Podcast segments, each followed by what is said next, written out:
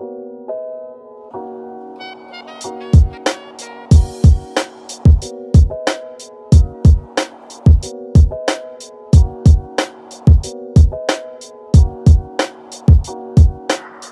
kali ini temanya adalah hemat modal mulai bisnis dengan sewa di Cumi ID. Nah, buat teman-teman mungkin penasaran nih apa sih sebenarnya Cumi ID?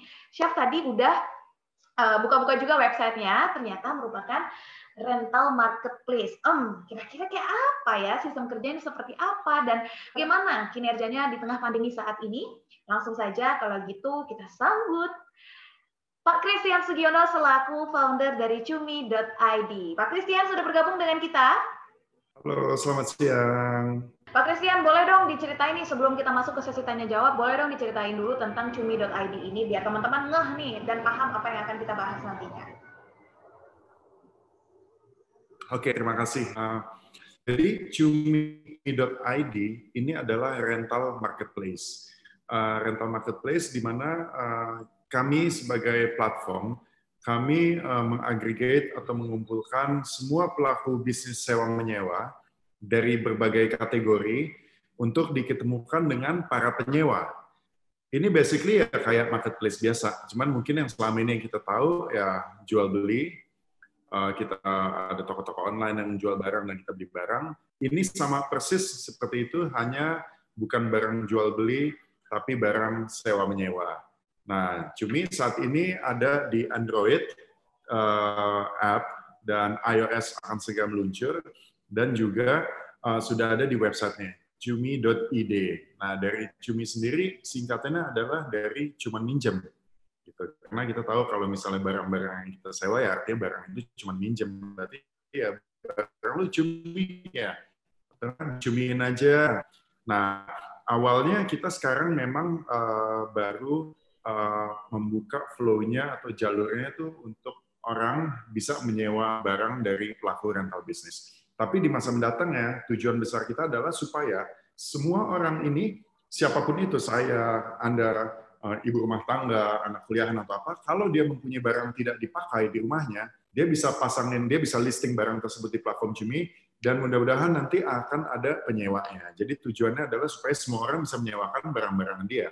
Karena kita tahu Eh, barang-barang yang ada di rumah kita kadang-kadang ya kita pakai cuma sebentar, kemudian kebanyakan diamnya atau kebanyakan pasifnya gitu ya, kebanyakan nganggurnya. Nah dari situ kita mau mencoba eh, mendobrak cara baru atau gaya baru supaya barang yang di rumah itu pun bisa menghasilkan uang. Kurang lebih seperti itu garis besarnya. Ya, ini menarik banget ya. Jadi nggak akan uh, de dengan harapan lagi ada barang-barang yang wasting. Mungkin masih bisa dipakai, jadinya bisa bermanfaat ngasilin cuan juga buat pemiliknya. Ya. Betul ya, Pak Tian? Betul, betul sekali. Oke, tapi penasaran banget sih. Maksudnya kalau chef riset gitu ya, Patian ini bisnisnya udah banyak banget, multi kuliner, kecantikan, iya. Lalu uh, startup digital juga udah ada gitu. Yang yang yang paling saya tahu tuh adalah si malesbanget.com itu kan karena itu kan platform anak muda banget gitu. Dan sekarang bikin ini lagi. Apa sih tujuannya? Maksudnya kenapa kepikiran untuk bikin ini gitu? Uh, ya, uh, memang aku orangnya tuh suka nyoba segala macam gitu ya. Aku selalu punya drive untuk uh, apa ya uh, memecahkan masalah gitu dari sebuah problem yang ada gitu mencari solusinya gitu dengan uh, teknologi base uh, malesbanget.com uh, kuliner properti atau uh, kosmetik gitu ya itu emang bisnis bisnis uh, yang kita jalankan uh, ada juga yang saya bersama istri saya sama Titi ada juga yang saya sendiri tapi memang di hati saya yang paling dalam ini kebetulan saya kuliah kuliah IT juga. Saya emang sangat-sangat senang dengan teknologi. Uh, saya masih ingin mempunyai sebuah sesuatu gitu ya, platform atau apa pun itu bentuknya yang bisa menjadi solusi dari sebuah permasalahan. Nah, permasalahannya sebenarnya apa? Kalau misalnya kita lihat, uh, sebenarnya bisnis sewa menyewa ini bukan bisnis baru gitu ya. Udah udah ya kita udah tahu lah banyak orang menyewa barang. Tapi uh, yang kita lihat kok belum ada satu platform yang mengorganize dari para vendor, vendor ini adalah istilah yang kita pakai untuk menyebut yang menyewakan, yang mempunyai bisnis rental ini. Yang mengorganize para vendor untuk ketemu dengan penyewanya secara langsung. Awal mulanya adalah begini, saya punya beberapa villa di Bali. Nah, villa di Bali itu biasa disewa oleh orang asing atau turis gitu ya, yang mereka berkunjung ke Bali misalnya mereka berkunjung ke Bali, stay mungkin tiga hari, ada yang minggu, ada yang sebulan. Dan mereka tuh sering sekali nanya ke saya sebagai owner, e, Pak, kalau saya mau nyewa motor di mana ya? Di Bali gitu. Saya mau nyewa mobil di mana ya? Saya mau cari sepeda, atau enggak kalau keluarga, saya mau pinjam ini dong baby stroller, atau saya mau pinjam ini dong tempat tidur bayi box yang untuk di villa, atau enggak eh, alat barbecue ada yang nyewain enggak?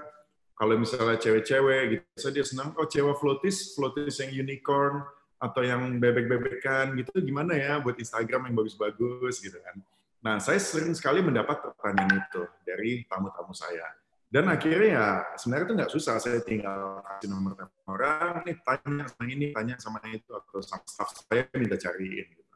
Nah, dari situ saya terpikir uh, ide, kenapa nggak kita bikin aja satu platform yang bisa diakses oleh semua orang, sehingga ketika mereka membutuhkan barang apa pun itu, mereka tinggal tap tap tap tap di HP-nya, mereka bayar, jadi barangnya datang ke rumah, kemudian dikembalikan di return gitu. Nah, itu ide awalnya seperti itu. Awal mulanya adalah karena ya saya kerepotan juga. Tiap kali ada orang nanya, saya mesti kasih jawaban. Tiap kali ada orang nanya, saya mesti kasih jawaban. Dan kemudian juga eh, dari sisi yang lain adalah bahwa saya misalnya, saya punya anak umur 2 tahun dan 6 tahun banyak mainan anak-anak saya yang saya beli ketika oh mau perosotan mau perosotan kita beliin perosotan di rumah tuh perosotan yang gede gitu kan yang dari plastik yang kayak rumah-rumahan gitu tapi ternyata dipakai cuma dua bulan tiga bulan setelah itu mereka udah bosen. Mereka udah nggak mau mainin lagi tuh perosotan dan akhirnya cuma ada di rumah aja diam aja. Aku pikir kadang-kadang enak juga nih kalau misalnya ada orang butuh bisa kita sewain atau seperti apa. Tapi kita nggak tahu cara ini gimana. Ya mungkin ada beberapa uh, platform yang sudah spesifik untuk uh, barang-barang seperti itu, kita bisa naruh di situ. Nah, tapi kami dari Cumi kita tidak spesifik hanya satu vertikal, tapi kita punya berbagai kategori sangat luas supaya semua orang dengan berbagai barang yang ada di rumahnya itu bisa diposting di Cumi dan mereka bisa ya mendapatkan penghasilan dari situ. Seperti itu kurang lebih. Hmm um, kategorinya banyak banget. Berarti kan memang ada vendor-vendor ya yang memang uh, ibaratnya dia sign in ke dalam Cumi ID untuk menyewakan barang-barangnya. Paling banyak di cumi.id ini yang paling sering disewa apa sih? Ya. Latihan? Uh, kita sudah soft launch itu udah satu tahun, uh, ya udah setahun lebih lah sebelum COVID, sebelum pandemi ketika sebelum masa pandemi yang high seller, high performance kita adalah kategori event, adalah kategori event. Kategori event itu maksudnya apa? Ya mereka mencari sound system, mereka mencari lampu buat pesta, mereka mencari uh, apa ya uh, screen gitu kan, segala macam yang sifatnya barang-barang event dari vendor IO, uh, eh, dari vendor event dan pemakainya adalah IO itu sangat-sangat laku karena IO selalu mereka punya event terus-terusan gitu ya setiap minggu. Nah, kemudian uh, datanglah COVID gitu ya. COVID uh, nggak ada event sama sekali di mana-mana, nggak ada. Akhirnya ya kategori tersebut uh, sementara menjadi uh, low performance gitu.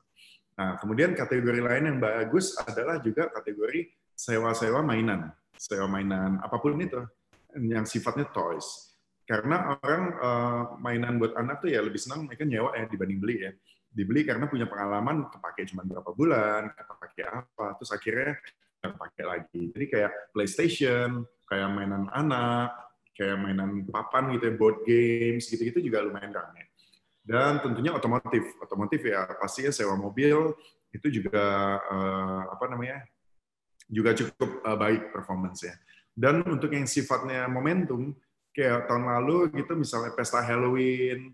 Nah, ada pesta Halloween kita kebetulan punya kategori kostum-kostum Halloween juga. Nah, orang pada nyewa di Cumi. Dia bingung, oh gue mau jadi Spider-Man, gue mau jadi ini, mau jadi itu.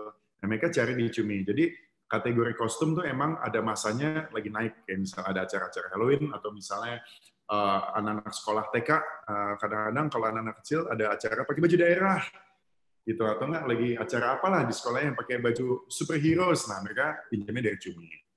Nah hanya sekarang sejak COVID sejak COVID situasi berubah event udah nggak ada uh, orang jalan-jalan juga kurang banyak gitu ya karena tujuan tujuan kita pertama juga traveler kita mau nembak market traveler. Kenapa? Karena traveler atau turis itu adalah potential user di mana mereka nggak akan beli barang yang mereka akan pakai sementara saja karena mereka berkunjung ke tempat itu kan sementara. Kayak misalnya saya ke Bali saya butuh stroller nggak mungkin saya beli di Bali ngapain gitu kan repot. Mendingan saya sewa di sana dan juga eh, barang-barang uh, lainnya yang sifatnya untuk tujuannya traveler. Nah, kemudian ya travel bisa dijalankan karena COVID, akhirnya istirahat uh, slow juga. Nah, tapi sekarang ada uh, tren baru yaitu work from home. Uh, school from home, work from home, apa-apa from home. Nah, ini membuat sebuah uh, kategori baru yaitu peralatan-peralatan kantor atau peralatan-peralatan uh, sekolah yang bisa mereka pinjam untuk digunakan di rumah. Contoh kayak laptop, uh, screen, uh, proyektor, dan uh, tablet, dan lain sebagainya. Gitu. Jadi ini ada sebuah kategori baru yang muncul karena ya adaptasi dengan keadaan situasi yang, yang berbeda ini. Oke, um, berarti kan tadi kalau kita um, karena pandemi ini eh, tren uh, rentalnya uh, berpindah gitu ya, enggak yang biasanya mungkin untuk kendaraan atau sound system, alat-alat yang berkaitan dengan acara itu tinggi, tapi sekarang justru cenderung ke alat-alat uh, yang digunakan untuk belajar di rumah atau mungkin mainan, itu yang paling tinggi. Tapi kalau secara bisnisnya nih, ada dampak yang signifikan banget nggak sih akibat pandemi? Mungkin satu bulan apa apa Tian memperlawan atau gimana Pak Tian? Uh, tentunya pasti berdampak gitu ya. Uh, apalagi kita cumi ini kita masih start, uh, kita masih early stage. Uh, kita establish uh, sekitar 2-3 tahun lalu lah gitu. Kemudian kita develop uh, produk kita, kita develop aplikasi kita, kemudian kita akuisisi para vendor Uh, jadi saat ini kita udah ada uh, ribuan vendor yang sudah terdaftar di Cumi dan bisa disewakan barang-barangnya. Uh, dari situ kita mau mencoba belajar dulu behavior uh, behavior orang sewa menyewa dengan menggunakan platform. Karena meskipun ini sewa menyewa bukan sesuatu yang baru, sudah banyak dilakukan, tetapi ketika dengan menggunakan HP atau menggunakan platform, ini menjadi sesuatu yang baru yang harus diadapt oleh user dari situ kita belajar. Terutama para vendor atau user ini sangat-sangat apa ya concern dengan trust gitu. Dalam artian uh, kalau misalnya saya menyewakan barang, nanti barang saya rusak gimana? Nanti barang saya hilang gimana? Nah hal-hal seperti itu yang benar-benar uh, menjadi concern mereka. Jadi kita belajar dulu, kita belajar sampai setahun kita sudah punya uh, model, kita sudah bisnis sudah berjalan, sudah ada revenue, dan kita siap untuk launch di bulan Juli kemarin di tahun 2020 ini. Ya ternyata uh, situasi COVID, situasi seperti ini akhirnya tidak bisa launching. Nah akhirnya ya jadi cuma ini kita masih masih menunggu momen untuk uh, kita bisa marketing launch dengan besar karena seperti tadi saya cerita, awalnya kita ingin marketing launch untuk di Bali. Kita ingin penetrate market di Bali, market turis di Bali, supaya semua turis yang ada di Bali, mereka bisa sewa nyawa dengan menggunakan Cumi. Tentunya sangat berdampak, tentunya uh, kita jadi belajar banyak juga, kita harus adjust sana-sini. Tetapi untungnya karena company kita masih early stage, kita masih melihat, kita jadi banyak bisa uh, merubah strategi. Kurang lebih seperti itu sih. Belum sempat atau sempat terjadi pemutusan kontrak kerja ke Eh, karyawan enggak ya? Uh, kita karena kita masih early, jadi karyawan kita masih sangat kecil. Uh, kita hiring, hiring, hiring, dan kita uh, ya tentunya kita pernah let go karyawan gitu, tapi bukan karena efek pandemi aja. Kita lebih uh, efek pandemi itu jadi kita nggak usah sewa kantor, kita work from home, dan karena kita udah dapat injection capital dari its ventures, jadi kita lumayan masih mempunyai fresh money di perusahaan kita yang bisa kita manfaatkan. Tapi uh, kita punya planning tadi kita mau hiring tim, kita mau bikin tim baru di Bali, di mana segala macam segala macam segala macam. Ya, planning itu terpaksa kita tunda dulu. Oke. Okay kalau dampak pandemi ini ke Patiannya sendiri gitu. Kalau aku baca di internet kan katanya Patian ini orangnya kan kreatif banget sesuai juga dengan apa yang tadi Patian bilang gitu kan. Pandemi ini terpaksa Patian harus di rumah. Apakah itu menjadi kendala untuk memunculkan kreativitas-kreativitas baru bagi Patian? Pastinya ya, apalagi ketika awal-awal gitu ya kayak aduh harus di rumah aja. Aku tuh orangnya emang benar-benar harus bergerak gitu. Aku harus berpindah tempat, aku harus ketemu orang aku harus melakukan sesuatu gitu ya. Ya harus adaptasi gitu ya, harus adaptasi. Lumayan berdampak, lumayan bikin kepala mumet gitu ya, kepala buntu. Tapi ya mau nggak mau ya kita nggak bisa melawan itu gitu. Tapi ya di rumah coba kita coba kreatif-kreatif aja di rumah gitu ya. Mungkin justru senang sih ketika yang tadi kita sibuk di luaran, jarang ketemu orang di rumah, anak-anak gitu. Sekarang kita jadi bisa menghabiskan waktu lebih banyak di rumah bersama anak-anak. Dan kita juga bisa mengerjakan beberapa hal dari rumah. Bukan beberapa hal semua kita kerjain dari rumah actually. Dan eh, aku tetap menyempatkan diri untuk ya ketemu teman uh, dengan menjaga ini ya menjaga protokol dan situasi.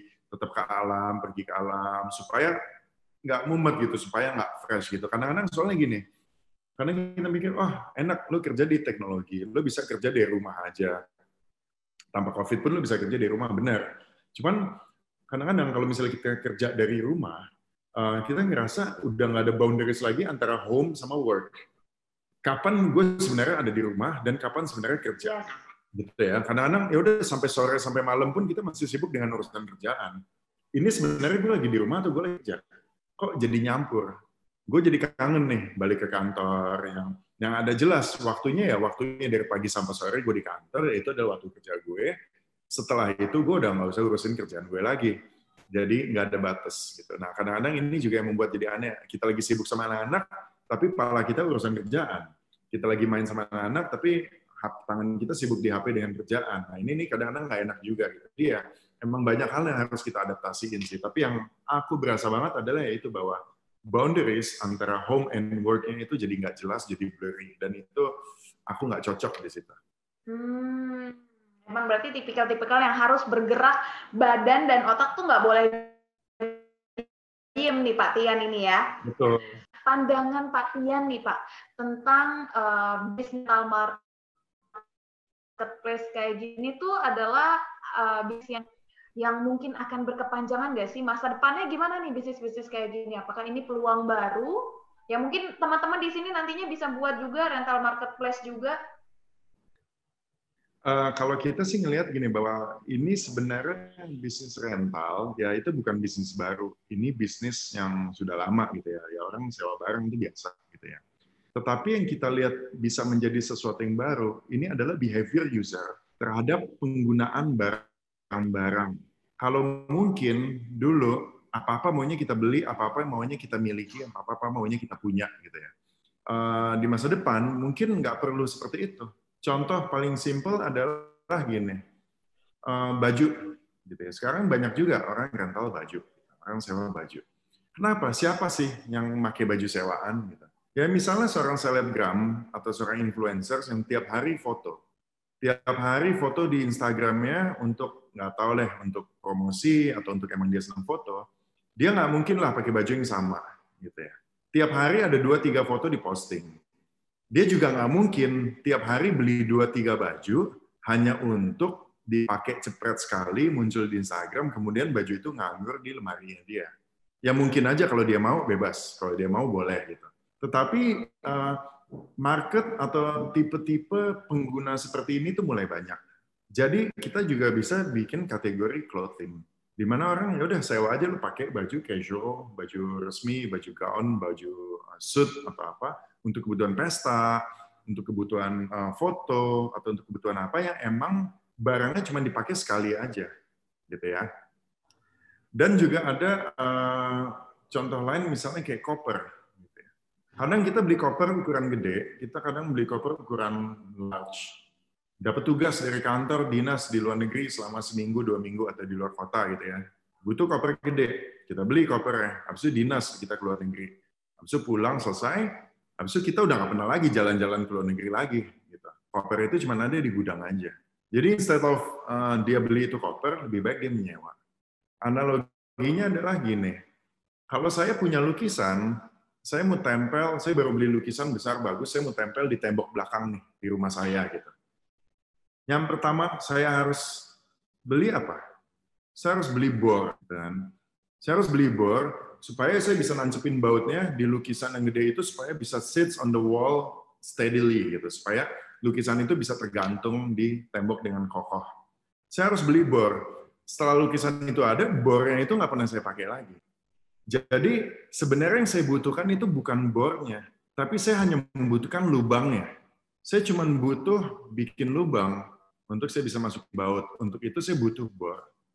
Nah, ini kan cara pikir seperti itu harus kita explore, harus kita gali. Hal-hal apa lagi sih yang orang sebenarnya cuma butuh lubangnya doang, bukan butuh bornya.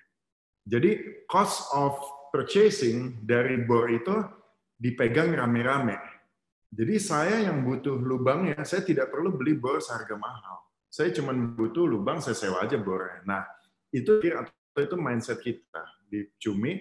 Kita explore terus barang-barang apalagi yang di masa mendatang atau behavior apa di masa mendatang yang bisa merubah penggunaan uh, atau atau atau apa konsumsi barang dari para user ini yang berubah. Gitu. Dan saya yakin bahwa pasti akan terjadi perubahan besar. Uh, dan ya kita mau start dari awal. Meskipun kalau kita lihat sebenarnya nih kayak gini udah ada di Amerika gitu ya, peer.ly atau apa segala macam. Tapi kenapa mereka nggak jalan? Kita juga nggak tahu. Kita pelajari itu. Gitu.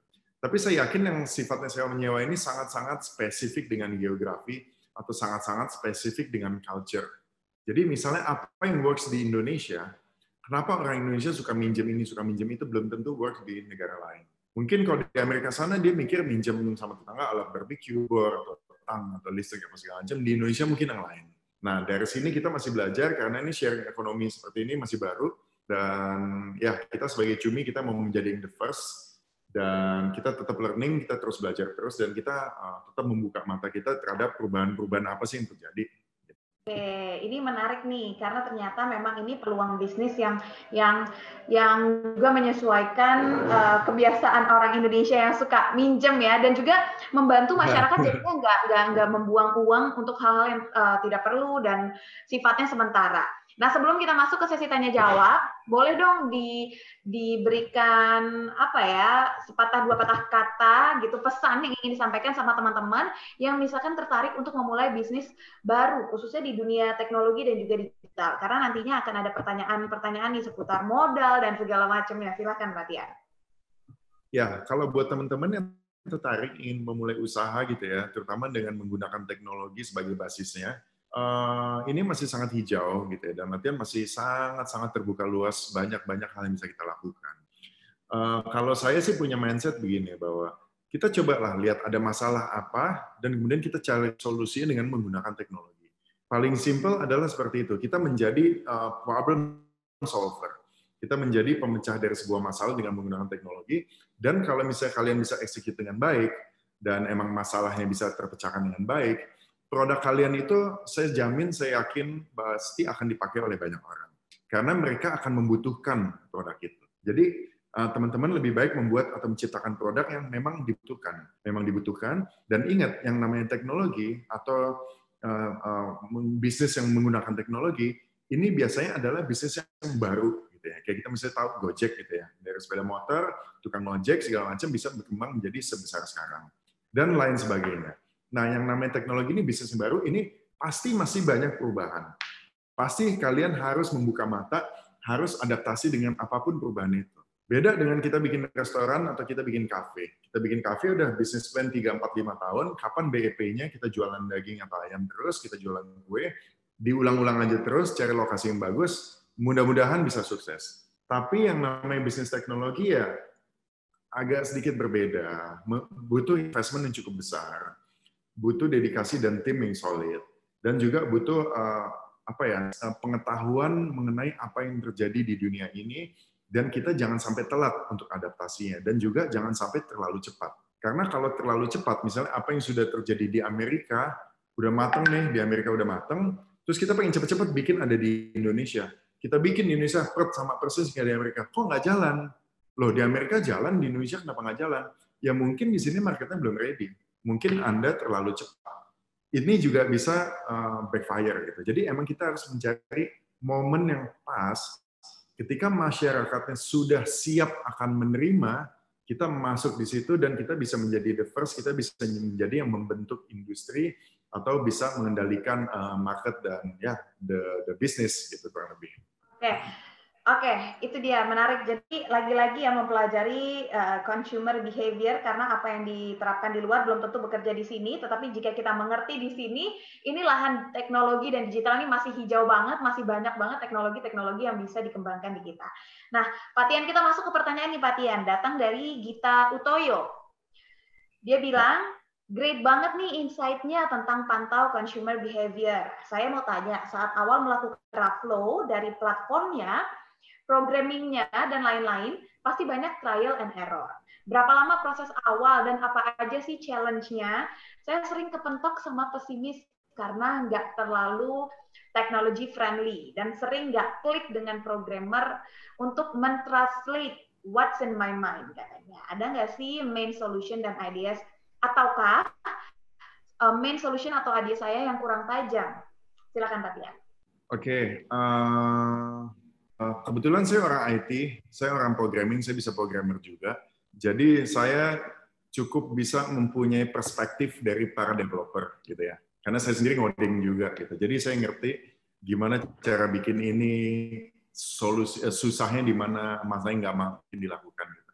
Tetapi kalau misalnya uh, ada gap, gini, kalau mau ngerjakan bisnis bisnis bisnis teknologi base itu emang ada komponennya teknologinya. Nah, teknologinya ini biasanya si para programmer atau diwakili oleh CTO-nya, CTO gitu ya, bos teknologinya. Kemudian ada orang uh, salesnya yang tukang jualan, ya menjual bisnis ini gitu. Mereka itu biasa bukan orang teknologi, ini dunia yang sangat-sangat berbeda dan biasanya nggak ketemu. Dan ada ya orang produk. Nah, orang produk ini adalah orang yang menjembatani antara kebutuhan bisnis dengan produknya dengan teknologi. Misalnya di Cumi contohnya gini, aku butuh ini dong supaya user aku bisa uh, bisa apa mencari barang yang berada di location base. Misalnya gitulah, sesimpel itu deh. Nah, si orang produk kan harus ngerti, oke, okay, berarti user pengen langsung kalau dia buka Cumi, dikeluarin listing barangnya yang berada di radius sekian kilometer dari titiknya dia.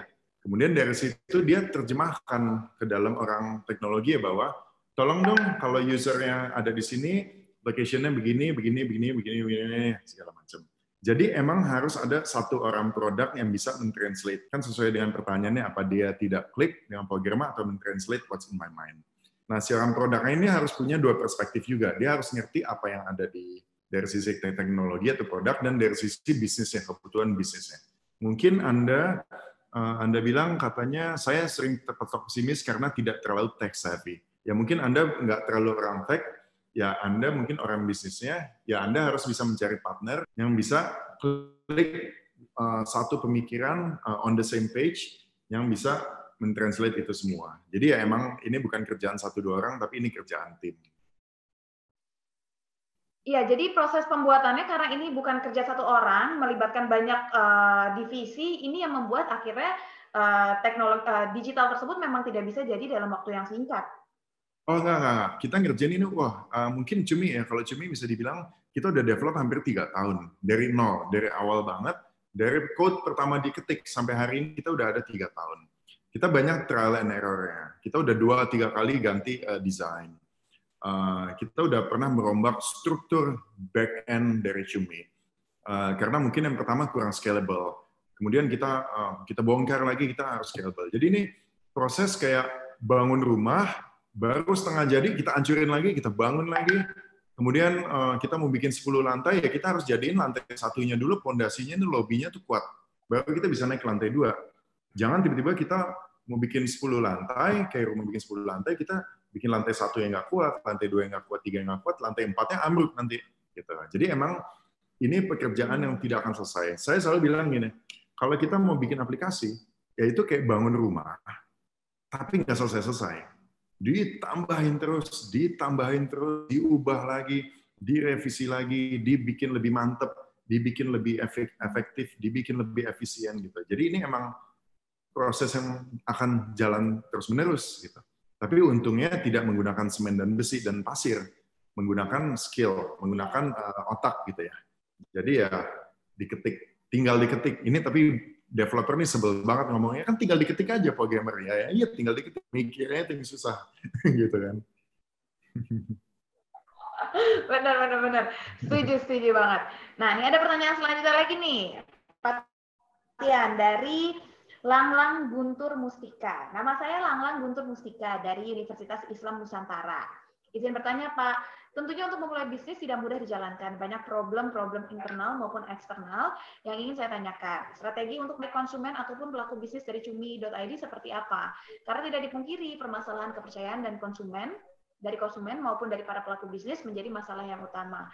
Belum lagi tadi Chef juga baca-baca pertanyaan teman-teman di atas yang mengkhawatirkan bagaimana cumi.id menjamin bahwa barang yang dipinjam itu akan dikembalikan dalam kondisi yang baik atau tidak, atau barang yang kita pinjam dalam kondisi baik atau tidak, gimana Pak?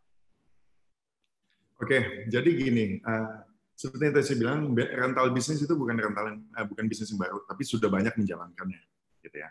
Yang baru di sini adalah dikumpulkan di dalam sebuah platform di mana semua orang bisa jadi marketplace lah, jadi marketplace gitu. Nah, strategi kita adalah pertama, kita tidak mengakuisisi vendor-vendor random. Kita hanya mengakuisisi atau mendaftarkan vendor-vendor yang yang sudah verify di platform kita. Yaitu kita sudah tahu dia punya bisnis rental benar, barang-barang dia sudah tahu, kita kita tahu barang dia bagus, dan kita tahu dia bisa menjalankannya. Kemudian eh, kita banyak belajar juga dari si vendor ini, di mana apa yang dia lakukan secara offline, kita coba terjemahin ke secara online. Misalnya orang menyewa alat camping gitu ya. Alat camping dia ada di pasar minggu atau ada satu yang gede. Mungkin marketnya dia selama ini orang harus datang ke sana, ke pasar minggu, ke tokonya, dia pilih-pilih, pilih-pilih, kemudian dibayar di situ. Nah, kita coba terjemahin itu dalam online, di mana orang nggak mesti datang ke situ ya lu bikin fotonya yang bagus, lu bikin description yang keren, bikin description yang jelas, sejelas-jelas mungkin supaya orang tidak merasa tertipu, gitu ya. Karena barang sewaan ya sama kayak barang beli, jangan sampai gambarnya doang bagus, atau begitu nyampe barangnya beda. Kemudian dari situ, kedua adalah trust. Trust terhadap nanti barang gue hilang gimana. Nah, untuk di fase awal ini, kenapa kita hanya meng-hire atau mengakuisisi vendor-vendor yang sudah pernah menjalankan bisnis rentalnya dan sudah berjalan? Karena mereka sudah punya mekanisme mereka sendiri terhadap barang-barang yang akan mereka sewakan gitu. Kayak misalnya gue punya bisnis sewa kamera lah gitu. Sebelum ada Cumi pun gue udah udah bisnis udah tahunan. Ya gue udah ngerti kalau kamera gue dipinjam, kalau hilang gimana, cara supaya nggak hilang gimana. Nah, kita belajar dari sisi itunya, sisi mekanisme si vendor tersebut mereka mendapatkan sales dari kita, kita bilang, oh ini ada orang mau sewa, dari Cumi kayak misalnya, orang tap mau sewa, gitu. Kemudian kita mengencourage bahwa vendor tetap melakukan uh, mekanisme apa yang sudah mereka lakukan sebelumnya, yaitu ya lu ketemu sama orangnya sebelum lu kasih barangnya, lu cat dulu KTP-nya, kurang lebih, meskipun itu dari sisi kita sudah kita lakukan. Tapi mekanisme yang mereka punya, ya mereka jalanin aja lagi. Gitu. Kalau dari Cumi, kita hanya verified user yang bisa menyewa barang. Jadi ketika kamu mungkin baru uh, daftar Cumi, kamu baru download, kamu lihat-lihat, kamu belum verified, kamu nggak bisa nyewa. Kamu cuma bisa lihat-lihat. Untuk bisa menyewa, kamu harus verifikasi. Ya, verifikasinya apa? Kita harus foto KTP, ada selfie dengan KTP juga, dan kita harus masukin rekening bank, dan kita nanti ada uh, email verification, ada phone number verification. Nah, dari situ kita data-data si user itu kurang lebih kita sudah pegang dan ini yang kita jadikan acuan kalau terjadi sesuatu. Gitu. Tapi Cumi di sini adalah sebagai platform. Kita punya terms and condition yang sangat jelas bahwa penyewa adalah yang bertanggung jawab terhadap segala sesuatu yang terjadi kalau barang itu rusak ketika disewa. Itu sudah sangat jelas. Kalau Anda ingin meminjam dari Cumi, Anda harus setuju dengan terms and condition seperti itu. Gitu ya. Nah, kemudian uh, untuk dari sisi penyewanya, kalau misalnya aku mau nyewa ini deh, nyewa mobil gitu. Mau nyewa Innova, datangnya Avanza, kan misalnya. Atau enggak kamera, atau drone. nyewanya ini tapi ada baret. Nah, kita eh, di platform Cumi kita ada satu feature di mana misalnya aku sewa mobil deh, aku sewa mobil, serah terima dong ketemu orangnya, dikasih kuncinya, terus ternyata ada baret mobilnya. Nah, ada satu feature di mana kita Cumi di app bisa kita foto baret tersebut, kemudian kita post, kemudian harus di-approve oleh pihak vendor. Jadi ini adalah kesepakatan bersama kondisi barang sebelum uh, sewanya dimulai. Jangan sampai ketika barangnya udah dikembaliin, tiba-tiba bilang, kok ini ada baret, kok ada ini, oh sebelumnya ada, mana buktinya? Nggak ada. Nah, jadi kita ada satu feature yang harus disepakati bersama oleh vendor dan nyewa dibikin di fotonya. Nah, feature-feature seperti itu adalah uh, salah satu yang kita kita bikin di Cumi untuk menjaga trust atau untuk membuat flow sewa menyewa ini secara baik secara aman. Nah, kemudian si si cara bayarnya adalah gini. Ketika saya mau menyewa mobil, saya akan misalnya saya tiga hari lah, tiga hari. Kemudian saya bayarkan kepada Cumi, uangnya dipegang dulu sama Cumi. Jadi kita escrow, kita ada di tengah. Kalau barang itu sudah sampai dan sudah dilakukan proses serah terima, dan si penyewa sudah confirm bahwa semuanya baik-baik aja, semuanya oke, saya mau menyewa, pencet confirm, baru uang itu diturunkan ke uh, vendor, baru vendor dibayar. Jadi kalau misalnya kita tidak setuju dengan barangnya, tidak sesuai atau atau gimana ya kita jangan pencet confirm, gitu. Kita bilang ya, oh ini nggak sesuai nih karena saya mintanya seperti ini. Nanti ya ada proses mekanisme lagi dari Cumi untuk mengklirkan semua itu. Nah, kita masuk ke pertanyaan terakhir nih Pak Tiani tadi. Ada satu pertanyaan dari um, mana pertanyaannya? Oh ini dia, dari Anonymous Attendee. Pak Tian, saya ingin tahu pendapat Anda sebagai CEO. Kira-kira seberapa penting sih teknologi cloud computing dapat membantu efisiensi dan bisnis resiliensi dalam membangun sebuah startup dalam segi infra. Apakah Cumi.id sendiri sudah memakai teknologi tersebut atau masih menggunakan on-premise atau server tradisional? Terima kasih. Wah, pertanyaan ini teknis sekali ya. Silakan.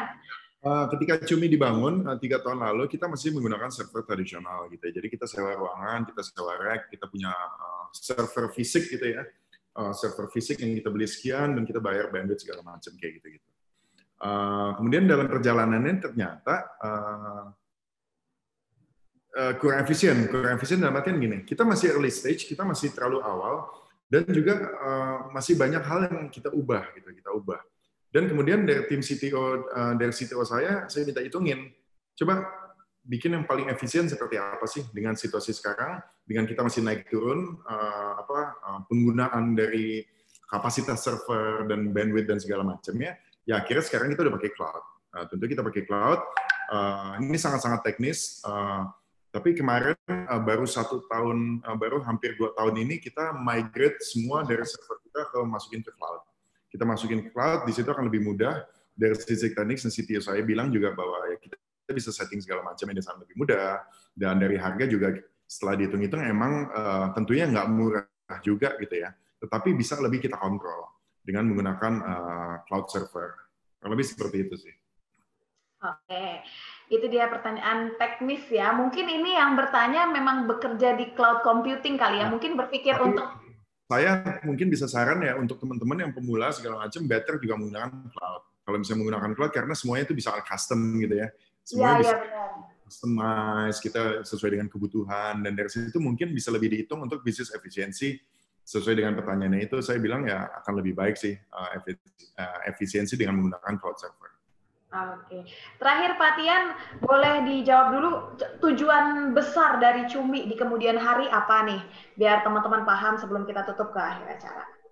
Uh, kalau tujuan besar kita sih ya kita ingin menjadi platform utama gitu ya nomor satu di Indonesia untuk uh, sewa. Tapi di balik itu kita juga punya misi lah. Kita juga punya misi adalah bahwa seperti itu tadi bahwa kita ingin mencoba uh, merubah behavior atau kebiasaan orang dalam mengkonsumsi sebuah barang atau aset. Bahwa tidak semua aset harus dimiliki orang yang berbeda-beda. Gitu. Bisa aja satu orang punya satu mobil, kalau mobil kita pakai cuman kayak taksi lah, kayak transportasi online. Actually kan ya gitu sama aja kayak nyewa mobil plus supirnya untuk jangka waktu 15 menit atau cuma 2-3 km. Secara nggak langsung ya itu sudah terjadi gitu. Nah, kita ingin uh, mencoba uh, itu tadi tujuan filosofikal besarnya adalah bahwa tidak perlu menghabiskan uang untuk membeli barang-barang hanya satu dua kali kita sewa. Untuk lebih efisien dalam hidup, untuk bisa lebih uh, cost of purchasing dari sebuah aset atau sebuah barang itu bisa kita bagi-bagikan ke yang lain, sehingga nanti ada satu kubu vendor yang mereka menguasai aset dan satu kubu user mereka menggunakan fungsi dari aset tersebut. Dan ini nanti akan terjadi uh, ekonominya di sini, sharing ekonominya kita. Jadi user hanya akan membayar fungsi dari aset tersebut. Tidak perlu cost of production segala macam segala macam yang tidak perlu itu akan akan berkurang gitu. Jadi ya tujuan utamanya seperti itu. Oke, terima kasih banyak uh, insight-nya Pak Tian. Semoga bermanfaat. Semoga teman-teman nih di sini pasti juga banyak yang baru memulai usaha. Kuncinya adalah jangan ragu-ragu, stay kreatif. Betul ya Pak Tian? Jangan kalau misalkan punya angan-angan jangan dibiarkan ada di CD tapi dieksekusi gitu karena nggak heran makanya Patian punya banyak banget uh, lini usahanya karena memang Patian kreatif dan mengeksekusi apa yang ada di pikiran ya. Terima kasih Pak Tian sudah bergabung bersama kami. Thank you, terima kasih juga ya. Semoga berguna ya. Makasih teman-teman semua ya. Thank you.